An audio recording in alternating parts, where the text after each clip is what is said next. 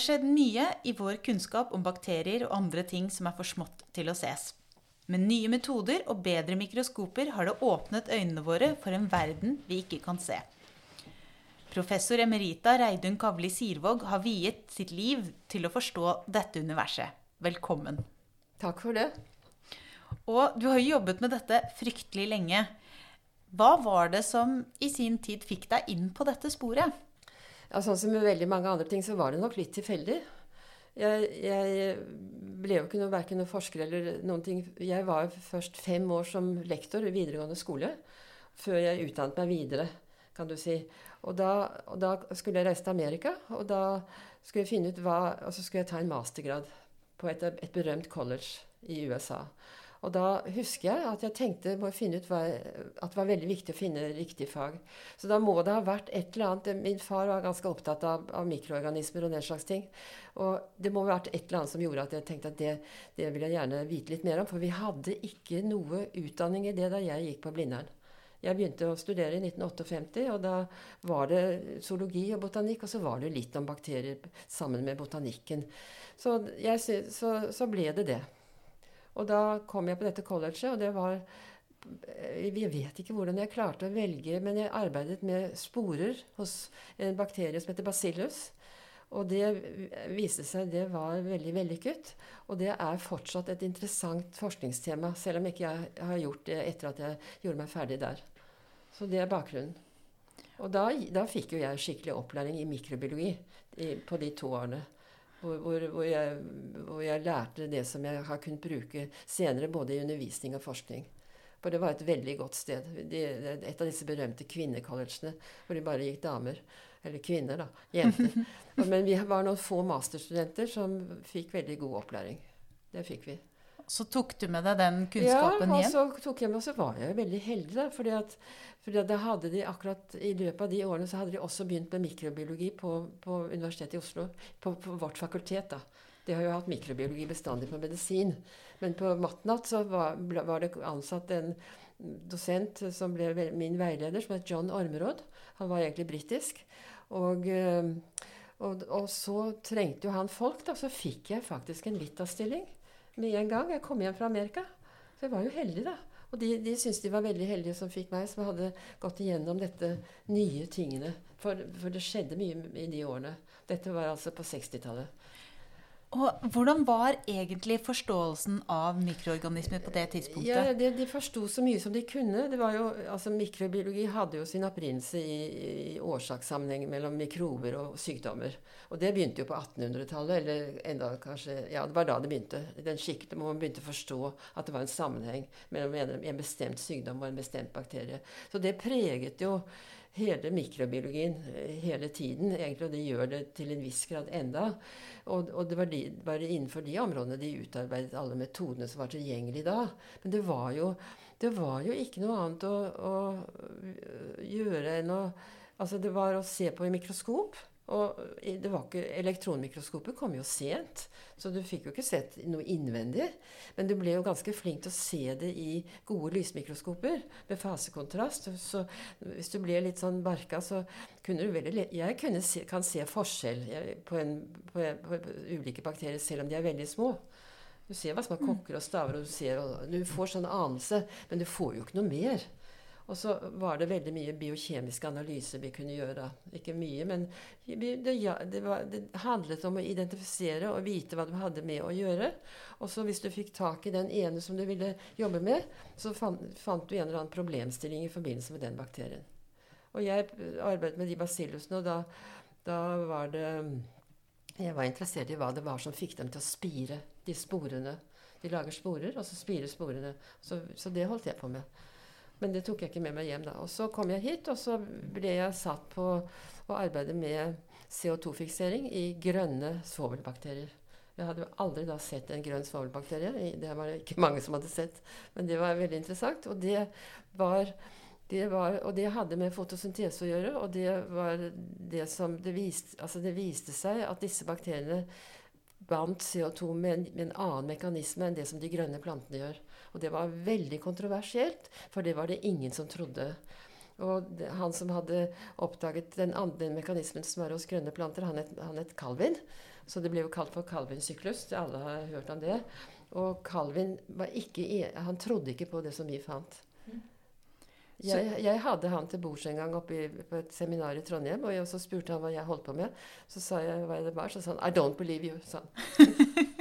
og senere så ble det vist av veldig mange andre at, at det var en annen mekanisme. Og for de som kan bio- biokjemi, så viser det seg at min organisme den binder, eller fikserer CO2 ved en omvendt krepssyklus. Så det er akkurat de samme reaksjonene, bare at den går den andre veien. Så de hadde et enzym som drev den krepssyklusen som vi har, den andre veien. Og når vi puster, så, eller bruker krepssyklus, så gir vi ut CO2, og disse her tok det inn. Og dette står i lærebøkene. Så hadde jeg en, eh, en veldig flink student senere som var- fant en annen CO2-fikseringsmekanisme i en annen organisme. Så det, det holdt vi på med ganske lenge. Det åpnet på en måte litt opp for at det, her er det ting vi ikke vet, så vi må undersøke Ja, flere Ja, nettopp. Og det, og det, for det var en sånn tese om at det var sånn unity in biology. Og at alt, alt og det, det var ville vært veldig fint hvis det var sånn, men det var ikke sånn, altså. Og, for, og da, begynte, da begynte folk å forstå at det var mange andre organismer enn akkurat de som lager sykdom. Så, og det, synes, det har jeg brukt veldig mye tid på å presisere. At, at det er ikke Altså, bakterier gjør så mye viktig for oss at vi aner ikke. Tu, altså, det er tusenvis av ulike arter som ikke, ikke gjør sykdom i det hele tatt. Men, men var det sånn da du begynte med dette, at man tenkte at bakterier først og fremst er sykdomsfremkallende? Ja, ja, ja. ja jeg syns det. Jeg tror det. Og det er det folk flest tror fortsatt. Og det er helt riktig. Det er, det, er, det er jo veldig riktig å tro det. Eller det er ikke noe galt i å tro det eller mene det, eller at det er det du vet. Men det er så mange andre som gjør mye mer livsviktige ting. Altså Vi kan jo dø av bakterier, men vi ville ikke klart oss uten dem. Mm. Og, og det er alle andre ting i naturen det da, som, som de er med på å gjøre, som jeg syns er kjempespennende.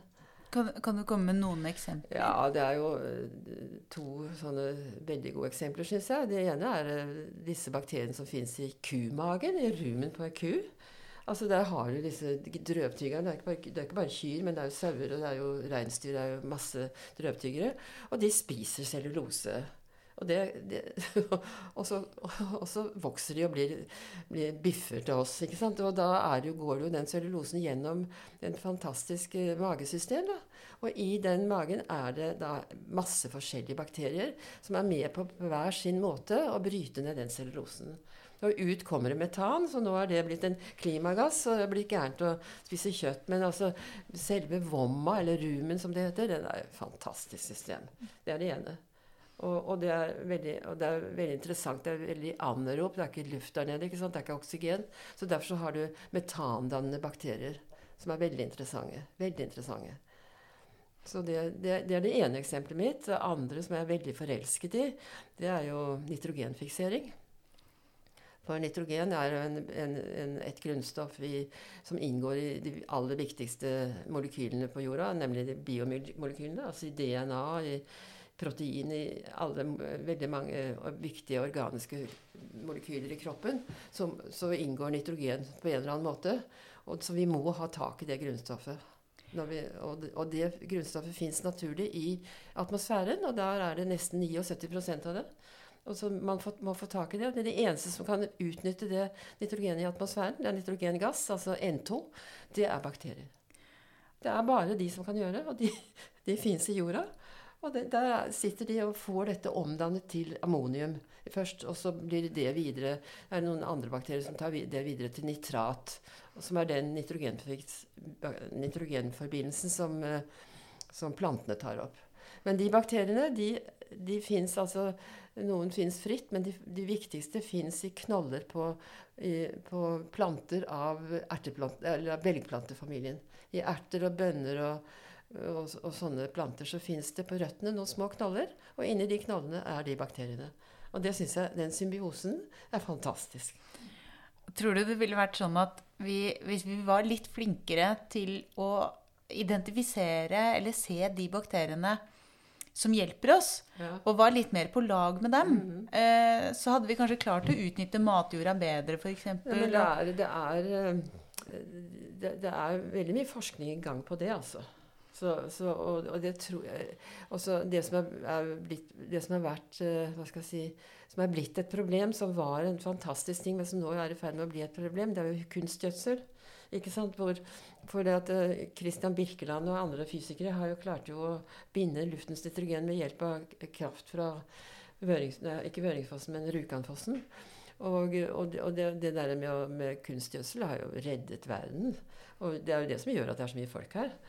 Men, men det er jo også samtidig nå viser seg ganske forurensende. Og så er det veldig energikrevende. Og mens, og mens disse her knallene, de, de, lever jo nede i jorden, de. Mm. Og får energi via det, Da blir jo på en måte energien fra fotosyntese, for det går jo via plantene. Ned, ned, nei, det er helt utrolig. Jeg har skrevet uh, litt om det også, jeg.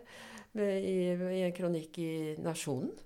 Morsomt uh, fikk, fikk det inn der. Og jeg skrev om de, de måtene de prøver å få forbedre den naturlige nitrogenfikseringen ved å f.eks. få andre planter også til å gå inn i de sånne symbioser. Jeg syns det er helt fantastisk. Og, det, og det, det, er litt, det er så komplisert, men det tror jeg at de kommer til å få til. Så bra.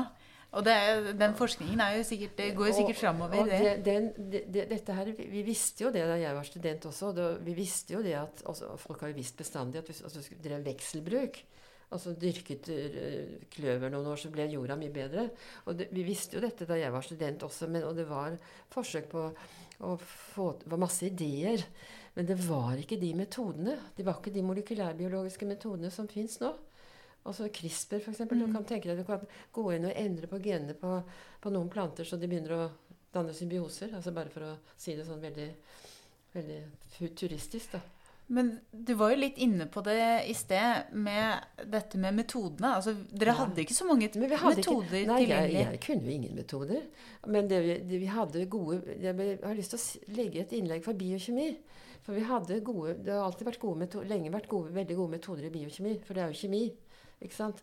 Og, og, og biokjemi er, er, et veldig viktig fag her. Og det, det var jo det vi drev med. Vi målte jo, målte jo reaksjoner. ikke sant? Og vi visste jo litt om enzymer, vi, men vi visste ikke protein Altså vi visste ikke genet, og vi visste ikke nødvendigvis hvor stort protein var, men vi visste jo hva det gjorde. Så, mm. så jeg syns hele den, den, Jeg er veldig glad jeg har vært med på det.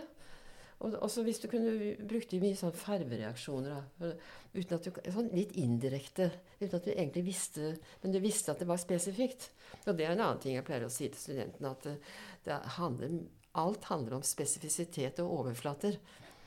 Og altså overflater på molekyler og overflater på membraner, og, og, og, at det er spesifikt. Du ser jo det nå på dette viruset som herjer nå, da, hvor spesifikt det går mm. inn i kroppen. Men tenker du, hvis du skulle sammenligne med nå og da, da altså De metodene som vi har nå, da kan du gjøre helt, helt andre ting. Men har man glemt de metodene som vi hadde da? Eller? Jeg, tror ikke de har glemt, men jeg tror ikke folk kan altså Jeg tror ikke studentene er vel, De er jo ikke på laben så mye lenger. Det, det er jo veldig mange som sitter på datamaskiner og ser på sekvenser. Og du kan få veldig mye ut av det, for det har jeg gjort òg. Men, men sammenhengen kan kanskje bli litt borte. Det er jo litt interessant hvis de som sitter og skriver eller har en avhandling om en eller annen organisme, aldri har sett den organismen. Det ligger bare en sånn, noen prøver i en dypfryser. Men Det er litt sånn arrogant å si. Men jeg, jeg, jeg, er veldig glad for at jeg har sett hele sammenhengen. Men, men man har jo forskjellige interesser. og det, det er mye, små, mye sånn street smartness i, i, i molekylærbiologi. Altså. altså en sånn måte å være smart på. Det er, ikke sant? Og det er veldig mye, mye, mange som er smarte. Får, får veldig mye ut av det. Men vil du si at den street smartnessen, at, at det er på en måte litt den derre um, fingerferdigheten, eller den lab-erfaringen? Som man, man da er, Nei, du gjør ikke, du opparbeider gjør ikke, seg? Du, du gjør, altså det som jeg likte veldig godt, det var å gjøre forsøk. Mm. Og satte opp eh, Husker jeg holdt på med CO2-en for å se Vi brukte hemmere. Altså en av de viktige tingene Og jeg har vært eh, jeg har vært i andre sammenhenger også vært i ja, USA etterpå og jobbet med andre ting for å lære nye metoder. Og en av de tingene vi brukte, det var jo hemmere. Altså hvis du vet at en reaksjon blir hemmet av et bestemt stoff, så kan du se, utsette den organismen for det stoffet, så kan du se om, om, om, om hva som skjer. Og sette opp sånne forsøk for å finne ut konkrete ting uten, uten, at du vet så mye på forhånd. Det, jeg, jeg likte veldig godt å være på lab, men det er ikke alle som liker det. Og det er nok mm, modellering. Det er jo det de driver med nå. Veldig mange lager modeller. Så, og det, og nå, men, det, men det fører jo til at du kan gjøre kompliserte ting, da. Mm. Med, med, med, altså jeg vil absolutt Jeg er veldig glad jeg jeg har vært i USA to-tre ganger senere. og Det var bare for å lære nye metoder. Mm. Og da, da sa jeg samme for meg hva jeg jobber med, bare jeg lærer den metoden. Så jeg jobbet jo med modning på avokado, jeg. Og lærte meg å sekvensere. Og, og det og, det var kjempespennende. Men vi så på de enzymene som bestemmer at en avokado blir moden. Så når jeg går i butikken nå, så vet jeg akkurat hva jeg skal si. Kan, kan du dele den hemmeligheten med meg? Ja, det er en sånn bestemt følelse på toppen av avokado. Ja. Ja. Men- vi holdt jo på med det. Vi modnet jo avokado kunstig. Men hva er det som setter det i gang, da? Nei, det er det, det, det, er, det er jo egentlig det er etylen. Som er, en sånn, er et plantehormon. Som en av Det begynner å utskille litt, og så blir det mer og mer. Og det er det samme som med epler som ikke er modne, som legge, eller jordbær, som du skal legge sammen med det som er modent. Så skiller det ut etylen, og så, og så begynner de andre å lage det også. Det er jo sånn de oppdaget, eh, de oppdaget jo at etylen oppdaget jo det at da de begynte med gasslykter i London. og Den der historien kan dere sikkert som på 1800-tallet, sent på 1800-tallet så begynte vi med gasslykter på gatene, og så datt alle bladene av på trærne. Fordi at, fordi at et, det var etylen i gassen, og så skilte det som, som gikk til trærne. Og, så, og det er en gass som forteller at nå er det høst. så datt bladene av. Nettopp. Men, eh, men det så, så, så det, men, men det, tilbake til det, og det, Da lærte jo jeg å, å sekvensere, men da sekvenserte jo med hånd. Og nå har jo disse her oppe på laben oppe, eller på vårt institutt de har jo sånn sekven, sekvensatorer som sekventerer 100 000 i minuttet, liksom. Men det, det er jo altså kjempeforskjell. Ja, det er det. Men vi fikk jo til til likevel. Men hvordan går man fram? Jeg, jeg aner ikke hvordan man gjør det hvis man skal sekvensere for hånd. Men hva, hvordan nei, gjør man jo, det? Du måtte bruke, nei, du tar, eh, isolerer DNA eksempel, og så kutter du det opp og så med bestemte enzymer, og så setter du det på en gel, på en sånn diger gel, og så har du, vet du hvor langt det vandrer, da, og så bruker du standarder ved siden av for å se hva du har. Er Veldig puslespill, altså. Og vi brukte jo jeg har, brukt, jeg, har ikke, jeg har ikke sekvensert så mye DNA, men jeg, vi har brukt masse proteingeler og farget og, og altså, jeg, jeg holdt på masse med proteiner etterpå. Så, så, og det syns jeg var kjempespennende. Og da kom jeg, måtte, kom jo inn på genene. Og jeg har laget, jeg har laget et sånn eh, fusjonsgen. Ja, som, et gen som besto av en del fra en organisme og en fra en annen, og fikk det til å fungere. Og så satte det inn i E. coli, en annen bakterie, til slutt for å få, for å få ut proteinet. Og så kunne vi krystallisere det. Så kunne vi, og det var kjempespennende. Men tror du tok det lengre tid å gjøre det da? Ja, tok lengre, det tok lang tid, da. Det, det tok jo, altså jeg, du kan jo si at i gamle dager så tok det gjerne seks år å få en doktorgrad. Ja. Men du forlangte litt mer også, kanskje. Og, og nå er jo det nå, nå er jo, Så, så det, det, det tok Altså, det spørs jo på problemstillingen du blir satt til å gjøre. Du kan jo ikke bare sekvensere noe bare for å sekvensere. Du får ikke noe doktorgrad da. Du må jo ha et problem. Mm. Men eh, så det, det, som, eh, det som er spennende nå, vet du, er jo alt dette med, når det gjelder mikrober. da, og, og sånn, Det er jo dette med mikro, det såkalte mikrobiomet. Ikke sant? Som, eh, altså alle de bakteriene vi har på oss og i oss. og sånn som, som alle, Vi har, vi har jo visst at vi hadde bakterier, men nå ser det jo ut som at de gjør mer nytte for seg enn enn vi trodde. Og det er et veldig spennende forskningsfelt. Hva, hva tror du kommer til å skje innen det forskningsfeltet? Og hva, hva, hvis du skulle forske på nytt, da, hva hadde du kastet deg Ja, over nå? det kan du si. Da tror jeg, da tror jeg nok jeg hadde kastet meg over nitrogenfiksering. Men, men eh, fordi at jeg syns det er så fantastisk. Men det er klart det der mikrobiomet er interessant, det òg. Og, og eh, sammensetningen av, av den, eller den, den økologien da, i tarmen, ikke sant. Og dette her med at eh, Ja, også, også er jo det store problemet som, som gjelder all mikrobiologi nå, det er jo antibiotikaresistensen. Som, som veldig mange er opp, opptatt av. Å finne finne ikke noen som er resistente Vi vet jo hvorfor de blir resistente, du kan jo alt det. Og, men å finne noe alternativ til antibiotika Og da er det jo det er, det er nesten ikke noe annet enn å slutte med det. Og det er vi blitt ganske flinke til her i landet. da, du, får jo, du bruker det ikke i fiske, du bruker det ikke i fiskeoppdrett, og du bruker det ikke i landbruket her. Men det gjør det jo andre steder i verden. Men, men, blir ikke det litt sånn som med klimaendringene at hvis de fortsetter å bruke antibiotika i den, det omfanget de gjør andre ja, steder, ja, ja. Så, så, hjelper det ikke så mye at, nei, å være flink her? Nei, nei, det gjør ikke det. Men det må bare la være å reise til andre land, da. Nei, det er klart. Altså, det er et kjempeproblem, og det tror jeg, tror jeg det er. Men, men, det de ser etter, er jo alternative ting. Og det ene er altså ikke bruke dem og prøve å komme, bli frisk uten. Og det andre er jo et, et veldig interessant ting, er jo noe som noen opprinnelig noen russiske forskere holdt på med. Og det var å finne de virusene som går nettopp på de bakteriene, og dreper dem. Sånn at, for det, det, det er også noe som vi vet veldig mye om nå. Det er jo at bakterier på samme måte som andre celler, har jo også egne virus. De kalles for bakteriefag eller fag. Og de, de dreper bakterier. Og hvis du kan finne fag som går direkte på de bakteriene som forårsaker røreverk, f.eks., så behøver du ikke bruke antibiotika. Men altså, jeg tenker jo da at det da kom, tar ikke lang tid før de der bakteriene er så smarte at de har funnet en måte å, å, å, å reservere seg eller ødelegge. Og den CRISPR-metoden er jo et sånt eksempel på det. Ja. Kan du forklare litt mer, mer hva den CRISPR-metoden egentlig er for noe? Altså, CRISPR-metoden, altså Bakterier er altså stadig utsatt for angrep av bakteriefag. Og da, da, det er virus. Og da går de virus, kommer seg inn i cellen og ødelegger cellen, for å si det veldig kort. Og... Uh, så det, har bakteriene selvfølgelig utviklet motangrep mot det. Og det ene, det er, det, det ene er disse restriksjonsenzymene, som altså kutter opp DNA på bestemte steder på rekkefølgen. Og de igjen har jo vært brukt i praksis. De har man brukt i forskningen. Når hvis du arbeider med DNA, så må du alltid ha et restriksjonsenzym som kutter det opp for deg. Men det, egentlig så er det Forsvaret En bakterie gjør det med en gang det kommer frem i DNA, så kutter de det opp. Det er det ene. Det andre er CRISPR, hvor de kutter opp, men så setter de inn, setter de inn eh, et stykke av det oppkuttede inn i sitt eget DNA på noen bestemte områder. Og så neste gang Så det er en slags immunitet. Da. Så neste gang det kommer en samme eh, virus inn, så begynner det, begynner det, blir det aktivert, det området. Og så er det et protein som, som eh, er, også er til, må være til stede. Og så lager det RNA som binder seg til det proteinet. Og så matcher det da det fremmede som kommer inn. For å si det veldig enkelt. Men kan man... Så, så det, binder, det, binder, seg til det sånn at det ikke fungerer. Ja.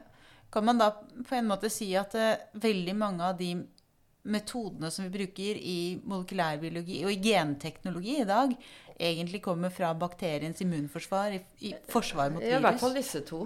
Og, mm. Men det som er poenget her, er at du kan bruke denne CRISPR-metoden til anvendelse. Så kan du bruke det for, fordi det er så spesifikt retta inn mot altså hvis du har hvis du har et gen på, på deg, f.eks. La oss ødelegge det genet på en eller annen måte. Så sekvenserer vi det genet hos deg først. Og så finner, prøver du å finne ut hva er det her som er farlig, eller som vi vil bli kvitt. Og så finner du ut det ved hjelp av DNA-sekvensering. Og så lager du, finner du ut akkurat den biten, og så lager du et fremmed eh, Du lager på eh, syntetisk DNA, RNA som passer akkurat til den biten. Så setter du det inn, og så ødelegger det det DNA-et. Men det er jo en Men det ble jo oppdaget, dette her ble, med, med den CRISPR ble jo oppdaget hos melkesyrebakterier som ble brukt til å lage yoghurt. Var noen sånn meieri som hadde kjempeproblemer fordi at de, hadde, de bakteriene de brukte, de, de, de, ble drept, og så begynte det sånn. Så fant noen ut det, men de fikk ikke nobelprisen. Nei, Men det var jo de som undersøkte da, som gjorde Ja, ja, ja, ja, ja, og fant anmeldelse for det. Mm. Så, så, jo, jo, så har, altså jeg, vil, jo, jeg, vil, jo si det at uten bakterier så hadde det ikke vært mulig å komme så langt i molekylærbiologien. Det er jo helt klart. Og, og, det, det, og, det, er jo helt fra begynnelsen av det med, med E. coli og, som en sånn vektor til alt mulig. Tror du det kommer til å gjelde i framtiden også? At, eh, at, vi vi fortsatt kan finne metoder hos bakterier f.eks. som, som ja. selv fram i tid vil kunne være revolusjonerende? Ja, Da må det være noen alminnelige mennesker som sitter og ser litt mer på bakteriene. og oppdager ting som du ikke ser på, på en maskin, kanskje. Men jeg tror nok du kan finne ut veldig mye ved å sammenligne det altså det de gjør nå, er å sammenligne DNA-sekvenser fra millioner eller fra tusenvis av bakterier. ikke sant? Og, og sier etter mønster og den slags. Det det er en litt annen måte å tenke på. bare. De kommer helt sikkert til å finne ut mye. Men at det blir så spennende som det har vært, det vet jeg ikke. Det vet jeg ikke, altså. Jeg syns jo denne her, uh, sammenhengen ja, da, med biokjemien og, og, det klassiske og, og mikroskopi og, og, det molekylære at det har vært eh, fantastisk. Morsomt å være med på reise og være med på forstå det. Mm. Forstå det. Det er jo gøy å forstå det. Ja, Det slår meg at det må ha vært en ganske stor kontrast fra den gangen du begynte, fram til i dag. Ja, det var veldig mye man ikke visste ikke visste med sikkerhet. og veldig, Vi visste ikke noe om dette her da jeg begynte på, å se på disse sporene den gangen. Men tror du man mm, rett og slett måtte bruke tid på å tenke mer gjennom hva man egentlig gjorde? Eh, ja, eller jeg, jeg tror Jeg husker at det, det, var å finne de riktige problemstillingene. Mm. Og stille de riktige spørsmålene. Det var liksom det, det, det som jeg er oppdratt med. At, eh, liksom, og det var det du diskuterte på konferanser og sånn. Og oppe, også her oppe var det finne, hvordan, hvordan, skal vi finne ut dette her? Og, og, så kom ideene, da. Og jeg har fått, jeg har fått ideer fra, fra andre også. Ja, og det, det, det, er jo det som du får når du reiser på konferanser. Jeg husker da jeg holdt på med den CO2-fikseringsmekanismen hos disse grønne bakteriene så måtte vi jo Først så fant jeg ikke det enzymet som alle plantene har. Og da trodde jeg i hvert fall et halvt år at det var noe gærent med meg eller måten vi målte mm. sant? Det er sånn mm. du gjør. Inntil, inntil jeg oppdaget at du kunne undersøke det på en litt annen måte. Så var det en som sa til meg at uh, prøv C13, C14-fraksjonering. Eller nei, C12, C13 heter det. Hvor, altså det er to isotoper av karbon, hvor det ene er litt tyngre enn det andre. Og så viser det seg at det der enzymet hos plantene, det er ribulose difosfat carboxylase, rubisco, det foretrekker det ene framfor det andre. Så du får en anrikning av det. Så det, satte jeg til eh, disse tingene til mine organismer, og så fant jeg ut at de, det ble ikke anriket. Så det var ett bevis for at du ikke hadde ribisco og da hadde du noe du kunne komme og si ja, Vet du ja, hva, det er ikke så er sannsynlig. Ikke så, du hadde jo de tallene. Det var det ene. Og så, og så hadde vi sånne merkingsforsøk. Hvor vi, hvor, disse klassiske Det var jo også veldig spennende, da. Hvor vi brukte C14. Jeg brukte C14. Og så, og så tok veldig kort tid. Og så så etter hva de første produktene som ble dannet, hva det var. Og de var også annerledes enn hos de grønne plantene. Så det var, en, det var neste bevis. Og så fant vi jo de enzymene etter hvert som var nødvendig. Og så var det andre forskere som ble interessert. Folk begynte å skjønne at det var noe i det. Så det var, det var, det var veldig, jeg var veldig heldig som fikk, ble satt på det problemet. Det var ikke meg som falt på det. Men jeg, jeg gjorde jo jobben. Men jeg, jeg syns det er interessant å høre at bare det at det, man må virkelig gå inn for det og så se ja. Måle og, og, og, bruke litt andre metoder, rett og slett. Fordi nå kan du jo bare eh, sekvensere genomet, og så kan du se sånn Ja, er det noe gen for dette? Mm. Nei, men da er det ikke noe. Og så slipper man å gjøre målingene labarbeidet. Ja, ja, ja, ja, selvfølgelig. Nei, og jeg, altså det vi har også, som, men det var det, Og det andre store prosjektet mitt som jeg hadde veldig lenge, da, det var, det var sånne bakterier som vokser i varme kilder. Altså termofile. Ekstremo, eh, de var ikke ekstremofile. De, var, de, de vokste best bortimot 70 grader. Det, og, og, men det er jo der vanlige bakterier eh, De dør der. Ikke sant? Ja, Fordi det er jo pasteurisering ja, av melk, f.eks. Ja, derfor vi fant ut hvorfor kan disse tåle dette her. Vi må jo se på det. Ja. Så, og det, det, var kjempespennende. Og da var jeg på Island og henta bakterier og alt mulig. Men, og dyrket dem her, da. Og jeg har sånne problemer sånn Du dyrker dem i vannbad, og så fordampet jo vannet. ikke sant? Ja. Så, altså Det var masse sånne tekniske problemer. Med en gang du øker en temperatur fra vanlig romtemperatur og opp til 60-70 grader. Så, men det var veldig morsomt. Og da, da, da, da det, det, arbeidet ble veldig bra. Og da husker jeg veldig godt at jeg, da jeg skjønte hva jeg hadde lyst til å gjøre der, så skrev jeg en søknad til Forskningsrådet. Og da jeg hadde lagt den i posten, så tenkte jeg fy søren, dette er frekt, altså. For her sto det alt jeg skulle gjøre, og alt det fikk vi til. Men, men, og, og da, det endte jo opp med at vi isolerte et bestemt protein, et, et, enzym, som ble renset og fikk tredimensjonal struktur. Og, og, som, eh, og, som, også selvfølgelig da Da, da drev vi med, drev med sånn omvendt uh, For å få tak i det proteinet, så drev vi med sånn omvendt eh, omvendt genetikk. Altså gikk ut fra, ut fra protein, For å få tak i genet eh, så gikk vi ut fra aminosyresekvensen, så visste vi ikke hvilke Vi visste jo ikke den gangen for alle hvilke koder de brukte. Så du måtte lage en sånn veldig blanding av primere for å få fisket opp det genet. Så vi hadde altså sekvensen på, på aminosyresekvensen på proteinet først. Og så så vi det, og så lagde vi en blanding av alle mulige sånn, og så satte vi det sammen med DNA, og så kom, fant vi genet. Og da vi hadde genet, så kunne vi begynne å, å, å spleise det med noe annet. Så vi klarte å lage et sånn hybridprotein. Og da Som da var Det var en blanding av ett protein, et, en organisme som vokste ved litt lavere ved 40, 40 grader, en som vokste ved 60. Og så, så fikk vi et som vokste ved 50. Og både proteinet og organismen var kjempegøy. Og da fant dere også ut at det var det proteinet som gjorde at de fikk en en Vi fant ut nøyaktig hvilke aminosyrer i det proteinet som var nødvendig å ha for at det skulle bli varmestabilt. Og så klarte vi også Vi hadde veldig flinke studenter. Vi klarte da også å lage eh, lage et eh, Ved hjelp av disse, at vi visste plutselig så mye om det proteinet, klarte vi å lage et, et, eh, et, som, et som var kunstig mye mer stabilt. Så, så var, da hadde jeg samarbeid med noe, en veldig god gruppe ute på Landbrukshøgskolen på Ås. Eller på, det het jo ikke det lenger nå, da, men det var det. Og da fikk og en som var veldig flink. Proteinkjemiker. Det var morsomt. Men da, det du kom med eksempler på her, er jo en type bakterier som, som tåler en, å leve et sted hvor andre ikke kan, Ja, ja. fordi det er varmere. ja. Eh, og er det flere sånne typer bakterier? Hva hva er det rareste stedet Ja, det en bakterie det, rareste kan leve. liksom, det rareste er jo kanskje de som Det er en som heter Deinococcus, som ble i sin tid isolert fra, fra sånne um, radioaktiv stråling. Sånne, og som tåler alt mulig. Og da lever den i strålingen? Ja, lever der, og, og kan også deles. Altså, altså En ting er å tåle noe, en annen ting er å vokse. Det er veldig viktig å se forskjell på det. Så du har disse ekstreme organismene som tåler ekstreme ting.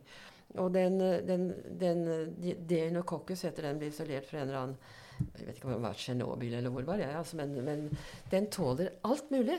Og jeg skrev en artikkel at, at det er kanskje den vi vil finne på Mars. Nettopp. Det, det sto i Aftenposten, da. Men, men det fins jo andre de, de kalles jo ekstremofile. Og, og det fins jo Jeg tror rekorden med temperatur er 121 grader. Oi.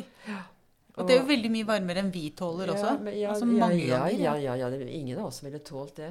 Og det er ekstremofile som tåler veldig høy saltkonsentrasjon. Sånn som de som lever i, i, eh, i sånne saltsjøer, som Dødehav og Salt Lake. Salt Lake.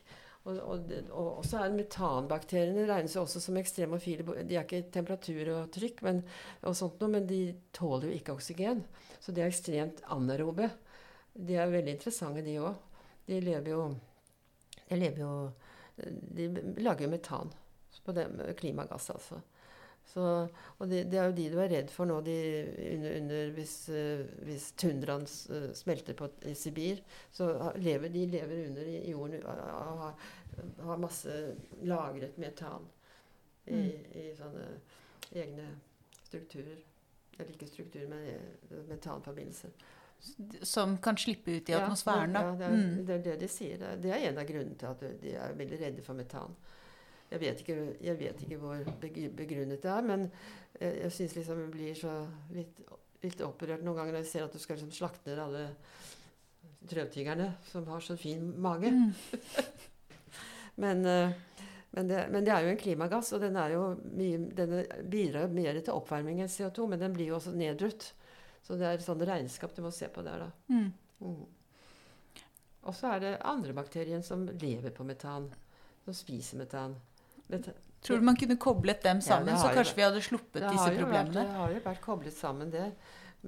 Da, altså, metan er jo samme som, eh, er jo samme som gass. Altså, det er, det er, gassen vi tar opp, er jo metan.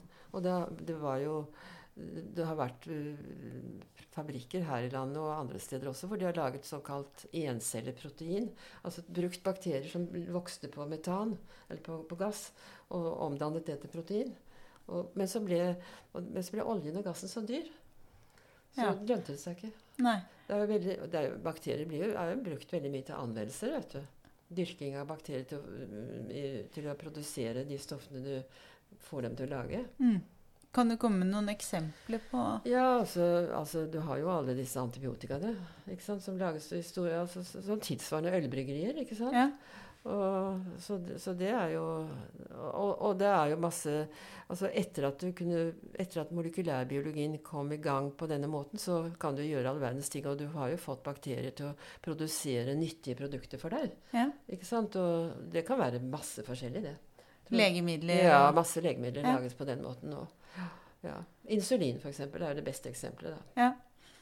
ja, jeg tenker at det er jo kanskje mange som ikke vet. eh, At det, at det er bakterier som gjør dette for oss. nei, de gjør det. De er små, det er helt riktig, det er små fabrikker for oss av, til å lage produkter. Det, det, laget, det ble laget for meg i forskningssammenheng. at Du fikk dem til å lage Du kan manipulere med E. coli så den lager store mengder. Du, er, fordi du kjenner til alle reguleringsmekanismene, så kan du få det til å lage store mengder av nettopp av det proteinet du, du vil, f.eks. insulin. Det er fristende å si at eh, bakteriene er menneskets beste venn. Men Ja, men noen er det jo. Det, Ja. du vil altså Tilbake til disse nitrogenfikserende. og det, De er jo ikke alene i den såkalte nitrogensyklus. Det må jo gå rundt. Hvis det samlet seg opp søppel, hvordan tror du det ville gå da? Mm. Men tror du, tror du grunnen til at det finnes så mange forskjellige typer bakterier altså Hva tror du er grunnen til at det finnes så mange forskjellige typer bakterier som kan leve på så vidt forskjellige Nei, steder? det er, det er, jeg å si, det er Darwin, det. Altså, det altså, levende organismer skal ha i hvert fall to ting. De skal ha energi, og så skal de ha organisk forbindelse på en eller annen måte. Og, og da er det utrolig masse kilder til det. Sånn at, og så må du huske på det at disse her har vært på jorda ganske lenge. da. Og det er, snak, det er jo snakk om milliarder av år, og det er veldig lang tid. altså. Det er en av de tingene jeg syns er vanskelig å formidle. At, at det er så lenge. Hvor lenge Men det der kan det er, ja. foregå mye òg. Ja. Og de har jo vært ekstremt suksessfulle. Og de er små.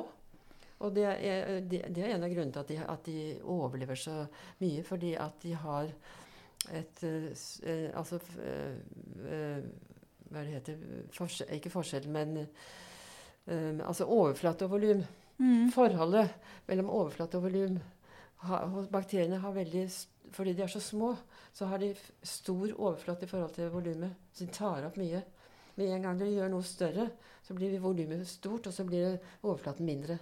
Hvis du tar og ser på matematikken der, hvis du tenker på pi er i tredje, og fire tredjedels pi er i tredje, og, og, og fire pi er i annen, så ser du at, vil du se det med en gang. Hvis du øker en diameter, så blir overflaten mye mindre. Og, hva, og da er fordelen Ja, rett og slett at du kan du kan ta opp, ta opp mye på kort tid. Nettopp. Og det, det er det som er fordelen med, med, med, med det som foregår inni cellene også. Det er veldig kort avstand mellom genet og prote, proteinsyntesen. Ja. Ribosomene ligger liksom tett oppi. Så du, derfor så vokser de så fort. Og det er jo klart at det er i noen tilfeller en veldig stor fordel. Og så forbedrer de seg fort. Så de, blir, de får masse avkom. Og det, så muterer de ikke fortere enn andre, men de får masse mutasjoner fordi de er så mange. Og så kan de plukke ut de som liker seg best. Mm. Sånn tenker jeg på det. Og så, ut, og så er det plutselig en mutasjon som gjør at ja, her var det en interessant eh, forbindelse som jeg kan bruke, som ingen andre kan bruke. Så har du det gående. Ja. Eh, Det er, det er, de er veldig, veldig eh, flinke til å utnytte Jeg skal ikke bruke 'flink', da, men de, de, de, de utnytter alt mulig. Fins det noe som de ikke kan utnytte? Det er jo et snu litt på spørsmålet. Nei, ikke, ikke, jeg tror ikke det er noen, noen naturlig forbindelse som ikke de kan utnytte. Ja. Jeg tror ikke det. Jeg eh, Ja, vet for det ikke hva har det jo- skulle være. Nei, det er jo kommet fram i senere tid at man har jo klart å finne bakterier som kan bryte ned plast, blant Ja, annet. ja, det, det er klart, jeg tror nok plast, plast er, det er så voldsomt det er mye av det. Men det er klart at det, kom, det er noen som kan det. Og de, de, vi hadde jo, da, da de begynte med oljesøl og sånn, så fant de straks noen bakterier som spiser olje. Ikke sant? Rett og slett spiser spise penger direkte, er- men nesten. det- Men, det er, men en ting er å finne noen som gjør det, en annen ting er å få det til i stor skala. Ja. Og veldig mye sånne ting trenger, så jeg, trenger overflate. F.eks. alt det med alt det som, trenger, som du kan gjøre med lys, det må jo ha en overflate. Ikke sant? Sånne solceller Mm. og Det må jo, tar jo plass. Og du skal dyrke ting, så må du ha, jord, må ha arealer. Så det, det er en av de tingene som begrenser det, tror jeg, det du kan gjøre med sollys.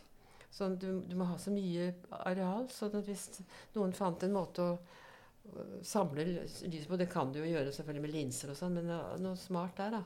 Vet Mm. ikke. Du var jo, nevnte jo dette med fotosyntesen på et tidspunkt. Ja. Eh, og for ikke så fryktelig mange år siden så var det jo en revi revisjon av læreplanen i videregående skole hvor det var snakk om å ta ut fotosyntesen av pensum i videregående skole. Og da skrev du en kronikk. Ja, da ble jeg veldig opprørt. For da, da tenkte jeg da har ikke folk skjønt For det var en ting at de ville ta det ut av pensum, men på den annen side så skulle de ha inn i klimaet. Og, men er det noe som henger sammen, så er det jo nettopp det. altså. Så jeg skjønte ikke Og, og da, det, det, det det sier meg, er at at de har ikke klart å forklare disse ungdommene, for det var ungdommene som protesterte. De har ikke, for, har, har ikke klart å forklare dem hva fotosyntese er, og hvorfor det er så viktig. Det er jo grunnlag for alt liv. Det er, det er, det er, det er egentlig de ultimate, den ultimate energikilden på, på jorda. Det er jo solen. Det, det er jo det. Men det er jo ikke første gang, eller eneste gang du har eh, engasjert deg i, i samfunnsdebatten med, med faget ditt. Nei, jeg har jo prøvd å være med litt på, litt på det. Hva tenkte du på noe Jeg syns det er sånne jeg synes det er noen sånne ting som folk burde vite, da. Og jo, jeg husker, jeg husker at det, det var for et par år siden det var en sånn vannproblem i en av øyene utenfor Bergen. Husker du det? Ja. Hvor det var forurenset kloakk, eller eh, vann, nei, drikkevannet var forurenset. Og da var- ble det snakk om, og da skrev jeg en artikkel Hva er det med E. coli? For da blandet jo folk sammen med det at man bruker E. coli som en sånn, en sånn uh, indikatororganisme sammen med andre ting. da. Så det, ja, jeg syns, vi må si ifra når vi ser noen sånne ting. Mm. Så, og så skrev jeg, men det er jo ikke bakterier, men jeg skrev også en artikkel om prioner nettopp. Men, eh, men, men det er noe helt annet. da. Men ja, og jeg tror ikke det er så mange som vet hva det er. Vil du bare si kort Prioner, Hva- nei, det hva er, et, et prion? prioner er et protein som fins normalt i kroppen, og som ingen helt vet hvilken mekanisme det, eller hvilken oppgave det har hos oss. Men det, antagelig har det noe med, med forflytning av kalsiumioner og Det kan være litt forskjellige, forskjellige teorier, men, det, men, det, men det kan, de kan bryte løs. altså De kan omdanne seg og bli annerledes enn de er i det normale, og da skaper de problemer i hjernen. mm. Så, og så er det smittsomt på den måten at det kan overføres fra et dyr til et annet. Og, kanskje, og mennesker. Det jo det er jo den Kreutzfeldt-Jacobs-sykdommen. Men, men det, er, det, er ikke, det er ikke bakterier. Det er proteiner. Mm. Og jeg, jeg tenker at bare det at man må snakke om f.eks. For forskjellen med, prion, eller forskjellen mellom et, et virus og en bakterie altså Alle disse tingene er jo folkeopplysning. Eh, og det er jo ekstremt viktig. Men du har jo bidratt der også med å skrive en lærebok eller læreverk en gang i tiden. Ja. Kan du fortelle litt om det? Ja, det, det, det, det, er jo, det er jo fortsatt stadig nye læreplaner.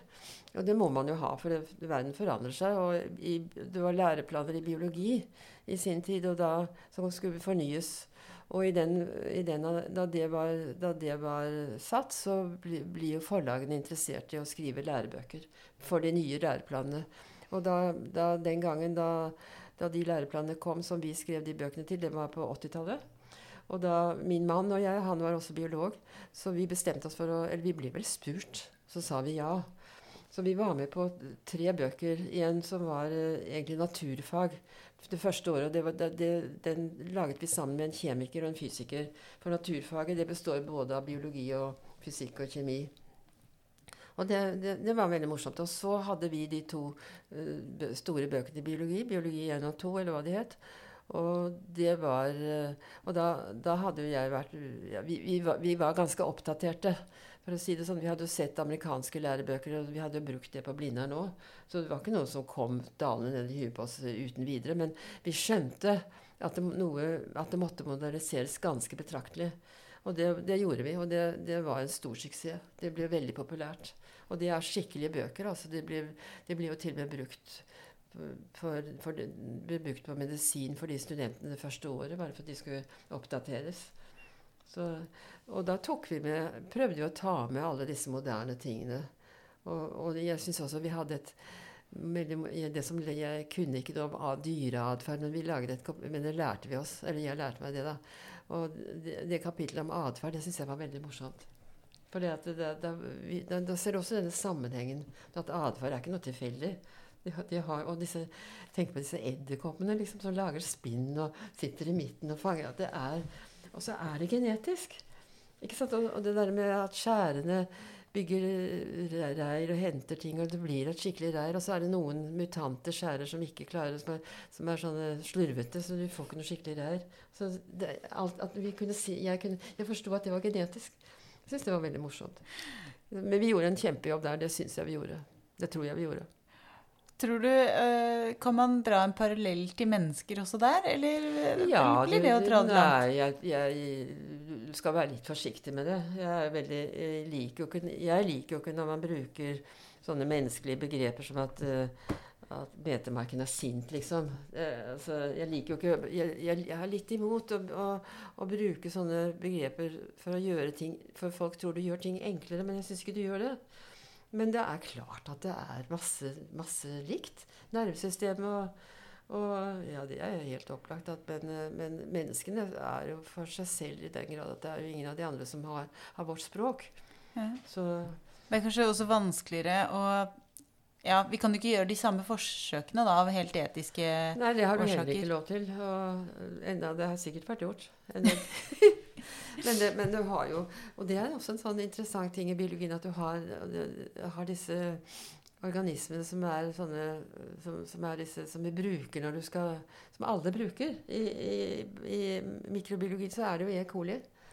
Og i, når det gjelder fotosyntese og disse grønne, så er det enten Ja, det er gjerne klaminemonas, Det er en grønnalge, en, en encelt grønnalge, som jeg også har jobbet med faktisk i Amerika. Og så er, er, det rotter og mus. Og så er det noen vet ikke hvilke, husker ikke hvilke fugler det er, men det er alle det er sånne, sånne organismer som egner seg godt til Sebrafisk, uh, f.eks. til fisk. Og, som egner seg godt til å undersøke bestemte egenskaper i store populasjoner.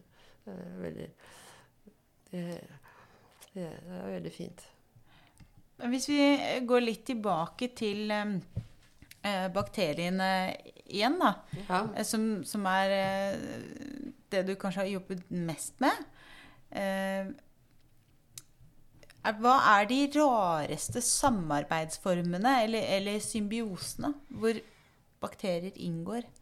Ja, det, det var et vanskelig spørsmål. Nei, det rareste Kanskje Eller kanskje mest interessante? Ja, jeg, jeg, jeg syns like, jeg syns nok, du, jeg syns fortsatt den rumen er veldig interessant. Og så har du noe tilsvarende Det husker jeg ikke helt, men det er, jeg tror termitter. De spiser, jo, de spiser jo treverk. Og jeg tror de også må ha litt hjelp i fordøyelsen av noen bakterier. Mm. Og så er det Nei, det, det, det som er Det kommer sånne overraskende ting. Du tror jo du tror jo at du har bakterier i fordøyelsessystemet, og så tror du at de skal ikke være der. liksom Bakterier er noe stygt. Og det, er, de er, jo helt nødvendig. Blant annet så er jo E. coli i, i, i tynntarmen og tykktarmen hos oss som lager K-vitaminer. Og det, det, trenger du for å koagulere blodet. ikke sant? Så det er sånne sammenhenger som det. Men Det er ikke så rart. Men er, for, når du tenker over så er det ganske fornuftig. Men av rare ting Jeg, jeg vet ikke Jeg syns noe av de rareste forsøkene det er jo de som, opp, som oppdaget eller som beskrev denne en bakterien som heter helicobacter, som forårsaker mavesår. Ja. Og som folk hadde før i tiden. så var det Mange jeg kjente som hadde magesår. Og de spiste jo fiskepudding og, ikke, og hadde vondt. Veldig mye smerter og vondt. Og de trodde det, hadde, trodde det var for mye syre pga. kosthold og sånt noe. Og så var det noen som begynte å tenke at kanskje det er noen bakterier involvert. Og, så, og det, ble, det ble foreslått, men ikke akseptert. Inntil en han husker ikke hva han heter, men han var fra Australia, tror jeg. Han spiste dem. Og Oi. viste vitenskapelig Han tok inn og viste vitenskapelig hva som skjedde. Og det var, at det var den bakterien som forårsaket mavesår. Så han forsket rett og slett på seg selv ja, og ja, utsatte og, seg for bakterien? Men, Og da, da, var løsningen for de som hadde mavesår, det var å ta antibiotika. da, Nettopp. Så bli kvitt den bakterien. Men så viser det seg at hvis du blir helt kvitt den bakterien, så får du et problem med fedme. For den har visstnok noe Jeg vet ikke om hvor godt grunnlaget men jeg har, tror det er riktig. At den påvirker det hormonet som, som uh, gjør at du får mer appetitt. Eh, nettopp. Så, så, så, du spiser mer. Så de som, de som da ble helt kvitt den de skulle ikke bli helt ja, kvitt. Grelin er det kanskje det heter? Ja, det er kanskje det det heter. Det er kanskje du vet det. Jeg husker ikke. Ja. Et eller annet. Så, og det er, det er, igjen dette her som er tilsvarende som er interessant med dette mikrobiomet som de nå snakker om, som har at de, at du har de og de bakteriene i, i fordøyelsen, f.eks., for at det påvirker immunsystemet og til og med nervesystemet. Sånne, sånne, ting. Det er, det, det er, mer futuristisk. Men hva som er det rareste Jeg syns jo den derre Deinococcus er det rareste. da. Som, som, og grunnen til at det, altså, Så kan du spørre hvorfor det tåler den all verden. Ja. Og forklaringen på det Det er ingen andre som tåler sånn stråling, for da blir jo uh, DNA ødelagt med en gang. Den har jo med åtte kopier av kromosomet. Ikke sant? Så den har jo noe å ta av. Så, så det er en sammenheng ikke sant, mellom årsak og virkning. Ja. Det, det, er ikke, det, er ikke, bare sånn tilfeldig at den, Nei, den har utarbeidet det. Så, så det Og så har du jo og så har du disse Igjen tilbake til disse nitrogenfikserende organismene. Da, så har du eh, blågrønne bakterier, som tidligere ble kalt blågrønne alger, og som er veldig, veldig viktige i naturen. I havene og på rismarkene og alt mulig, nettopp fordi ikke, de har to ting som er veldig viktige. De har fotosyntese, de er grønne. Og så har de nitrogenfiksering. Og der har du, hos, hos um, blågrønne bakterier har du en konflikt. Fordi at I fotosyntesen så får du i tillegg til at uh, du får kjemisk energi og, som kan brukes til å fiksere CO2, så får du også produsert oksygen. Og nitro, Nitrogenfikserende bakterier de har, det, det enzymet de bruker, heter nitrogenase. Og det tåler ikke snurten av oksygen. Så det som de, men likevel så gjør de det. Så det de har, det er de har laget noen egne celler som heter heterocyster, og som har, mangler den delen av, fot, av fotosyntesen som heter fotosystem 2. Så de lager ikke oksygen. Og derfor så har de både tilgang på ATP og nitrogen, og kan fiksere nitrogen. Og lever i beste velgående. Og, de, de, og det kan du se, altså De blågrønne bakteriene er ganske store, så de er veldig lette å se i mikroskopet. Og da ser du de der heterosystene som sånn lysende lyse De er ikke grønne. Ikke, mye, litt, ikke, så grønne som de andre, og så er de litt større. Så det er tykke vegger, og det er fantastisk. Du har gjort veldig mye forskjellig eh, gjennom din eh, forskerkarriere. Ja, jeg har, jeg har, vært heldig med det. Jeg har ikke gjort så mye, langbare mye forskjellig. Men da jeg lærte disse metodene, så kom jeg borti Da jeg jobbet i, på Harvard, så var, jeg arbeidet jeg med, med chlamydomonas. Fordi at jeg skulle lære metodene. Så sa det spiller ingen rolle hva Biologi er biologi. Mens det er nok mange som bare har holdt på med én ting i mye større grad. Men så har jeg holdt på lenge, da. Og så har jeg undervist. Og det vil jeg si at det er det morsomste ved det. Det er jo det. Å engasjere Ja, jeg syns det. Nå har jeg nettopp hatt uh, et sånt grunnkurs i, i biologi. Hatt virusdelen og bakteriedelen av data. vi har én labdag, og da gir jeg dem disse Petri-skålene hvor de, de, får utdelt tre Petri-skåler hver. Og så kan de bruke det til hva de vil, og se på kroppen sin. Eller ha det på kroppen. Og så ja. inkuberer vi det, lar det vokse opp i to dager, og så ser vi på det. Og det er like vellykket hver gang. Det er like vellykket hver gang. Og da så vi i mikroskop også. Ja. Og da har vi jo fått, på labene for studentene så har vi nå fått sånne mikroskoper som er knyttet til skjermer. Og det, det, er veldig fint, altså, for da kan du ta det på skjermen. Så alle får sett det samme. Nettopp. Ja, kjempefint. Hva, stiller de gode spørsmål, syns du? Hva? Ja, det blir jo veldig først, en, en, en, ting som skjer, det vet jeg alltid. Du får et petriskål med en klar, agar overflate, og så tar du på leppene, på nesa eller på skjegget, eller, eller ute eller inne. Og så er det jo ingenting der. De ser jo ingenting da. Og så går det to dager, og så vokser det opp. Og da, jeg, da, da ser jeg at noen blir helt forskrekket. Så må jeg bare si at man husker på at det var ikke alt Det var ikke der da du gjorde det. Det er vokst opp. Kanskje det var bare én bakterie som har gitt opphav til alt sammen. Så det er en av de tingene de, de, de får sånn noen, noen, blir helt forskrekket. Og så syns de det er gøy. Jeg tror de syns det er veldig morsomt.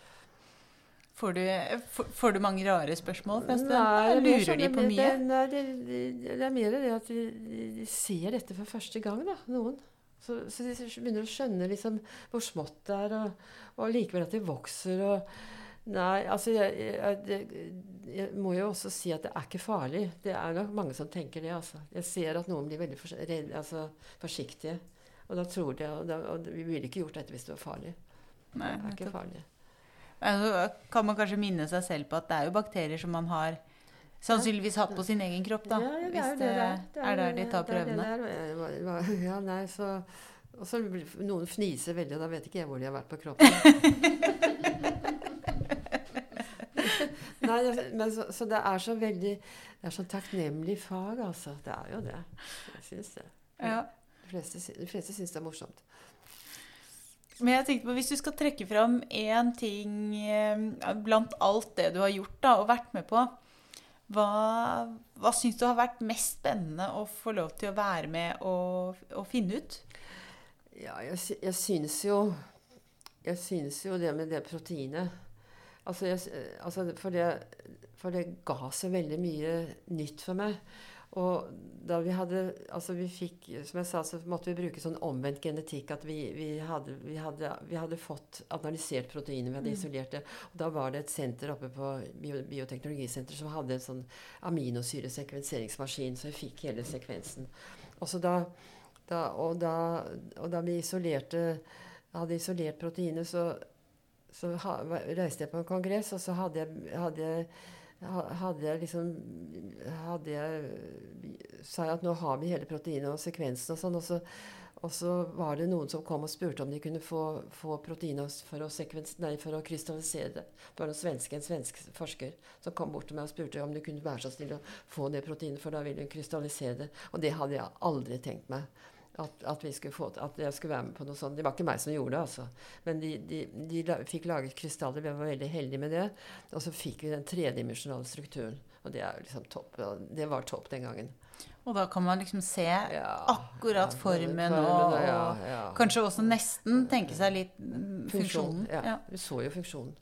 Dette var et veldig, et, en veldig alminnelig enzym som alle har, som heter malatihydrogenase. Men det var fra disse termofile. da. Mm. Og, da, og, det, og det var veldig inn med, med, med proteinrensing, og, og det var ikke så mange som hadde fått det til da, i, den, i med så store mengder som vi fikk. Og, og, hun, så de, de, og de gjorde jo det med en gang. Det var fantastisk. Veldig gøy. Og det ble en fin publikasjon. vet du. Og, og så kunne vi gå ut fra det etterpå. Mm. Nei, det, det, det syns jeg, det syns jeg nok kanskje var det som jeg aldri hadde tenkt meg at jeg noen gang skulle gjøre. At jeg skulle sitte og ha et krystall av et protein, hadde jeg aldri tenkt meg. Nei, det må jeg si. Jeg hadde ikke det. Så jeg syns jeg har vært så masse mulig, jeg synes jeg har fått så mye muligheter og tatt imot mulighetene òg. Hva vil du Jeg si må gjøre det. Og jeg er, jeg er ganske arbeidsom når jeg, når jeg gidder. Hvis du skulle gi et råd til studentene, da, eh, med tanke på hva de skal eh, hva, hva man burde velge? Nei, altså Det jeg sier bestandig, er å finne ut du, hvordan du liker å arbeide. Hvis du ikke liker å jobbe i en lab, så skal du ikke gjøre det. Hvis du liker å sitte og glo inn i en, en sånn datamaskin så, og lage modeller og, og har den sansen for, for, for det abstrakte, så skal du gjøre det. Og de som har vært hos meg, de har, de har jo bare vært i lab. Alle de studentene jeg har hatt. Vi jobbet i lab, og jeg var veldig mye med dem. Og det var det er en av de store for, Det var de ansatte før. Altså alle, de, alle mine kolleger sto på lammen med hvit frakk. Og det gjorde de på Harvard og i Santa Barbara og alle verdens beste steder òg, altså. Så er det, kanskje, det er kanskje den største forandringen? Ja. At man blir mer en slags sånn forskningsleder? Ja, du blir, og så ble det denne manien da, med så at du skal ha sånne grupper. Mm. Og det igjen betyr jo selvfølgelig at du må kunne så mye forskjellig. Men det, var ikke, det var ikke så utpreget før. Så det, du, du kan si at det, kanskje det tiltalte en mennesker av en annen type før. Mm. Jeg syns det har vært veldig spennende å høre om eh, på en måte litt sånn en slags reise. Ja, det, har, det har vært en lang reise. Ja. Jeg er jo på reise ennå. Jeg, jeg vet ikke hva jeg ville gjort nå hvis noen, noen kom og sa hvis jeg fikk en million kroner, eller ti millioner, da, som du kanskje trenger nå. Ja. Det er jo det vi spør om. Det er det jeg spør om når jeg har vært opponent. ikke sant? Du skal holde tale med middagen. Hva ville du gjort hvis du hadde, hadde fått ti millioner kroner og fortsette? Nei, jeg vet ikke hva jeg jeg, jeg, jeg vet ikke hva jeg ville gjort, altså. Jeg tror, jeg tror jeg, Jo, jeg sa det jo i sted. Jeg tror jeg ville holdt på med det. Jeg er litt forelsket i de nitrogenfikserende bakteriene. Jeg er det, altså. Synes det er, det er forskjellige arter av dem. Å få, eller nitrogenasen, da, det enzymet. Veldig spennende. Vanskelig. Hvis man fikk til det, vet du. Det er spennende. Men takk for at du tok oss med på, På reisen. på reisen. Eh, og så vil jeg bare minne om eh, at eh, alle som hører på Biopodden, dere må gjerne sende oss spørsmål, enten på Facebook-siden vår til Norsk biologforening eller på e-post. Og så er det jo en konferanse hvor det er lov å møtes fysisk eh, den Ja. 12. november. Er det det? Det må jeg skrive ned. Ja, og da skal vi snakke om de umistelige, all natur som vi må ta bedre vare på, som vi ikke har råd til å miste. Eh, og ikke minst, det syns jeg kanskje er viktigst etter lang tid i, i lockdown. Det er lov å møtes, så dette tror jeg blir veldig, veldig hyggelig. Og så vil jeg bare si tusen takk igjen. Vi høres.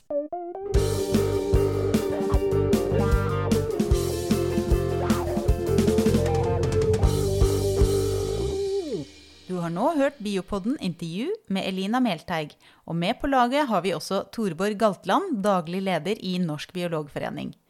Husk å melde deg på biokonferansen fredag 12.11.2021. Temaet er De umistelige, om arter og natur vi ikke kan miste. På biokonferansen deler vi også ut Bonnevie-prisen til en utmerket fagformidler. Kom gjerne med nominasjoner til post at bio.no. Musikken du hørte er laget av biologibandet Overgump, som består av Even Slekten Garvang, Markus Fjelle, Erik Møller, Mathias Kirkeby og Audun Rugstad. Fortell gjerne om podkasten til venner og kjente, og gi oss tips og tilbakemeldinger på e-posten biopodden at bio.no. Og hvis du vil støtte oss, så er du hjertelig velkommen som medlem av Norsk biologforening. Vi høres.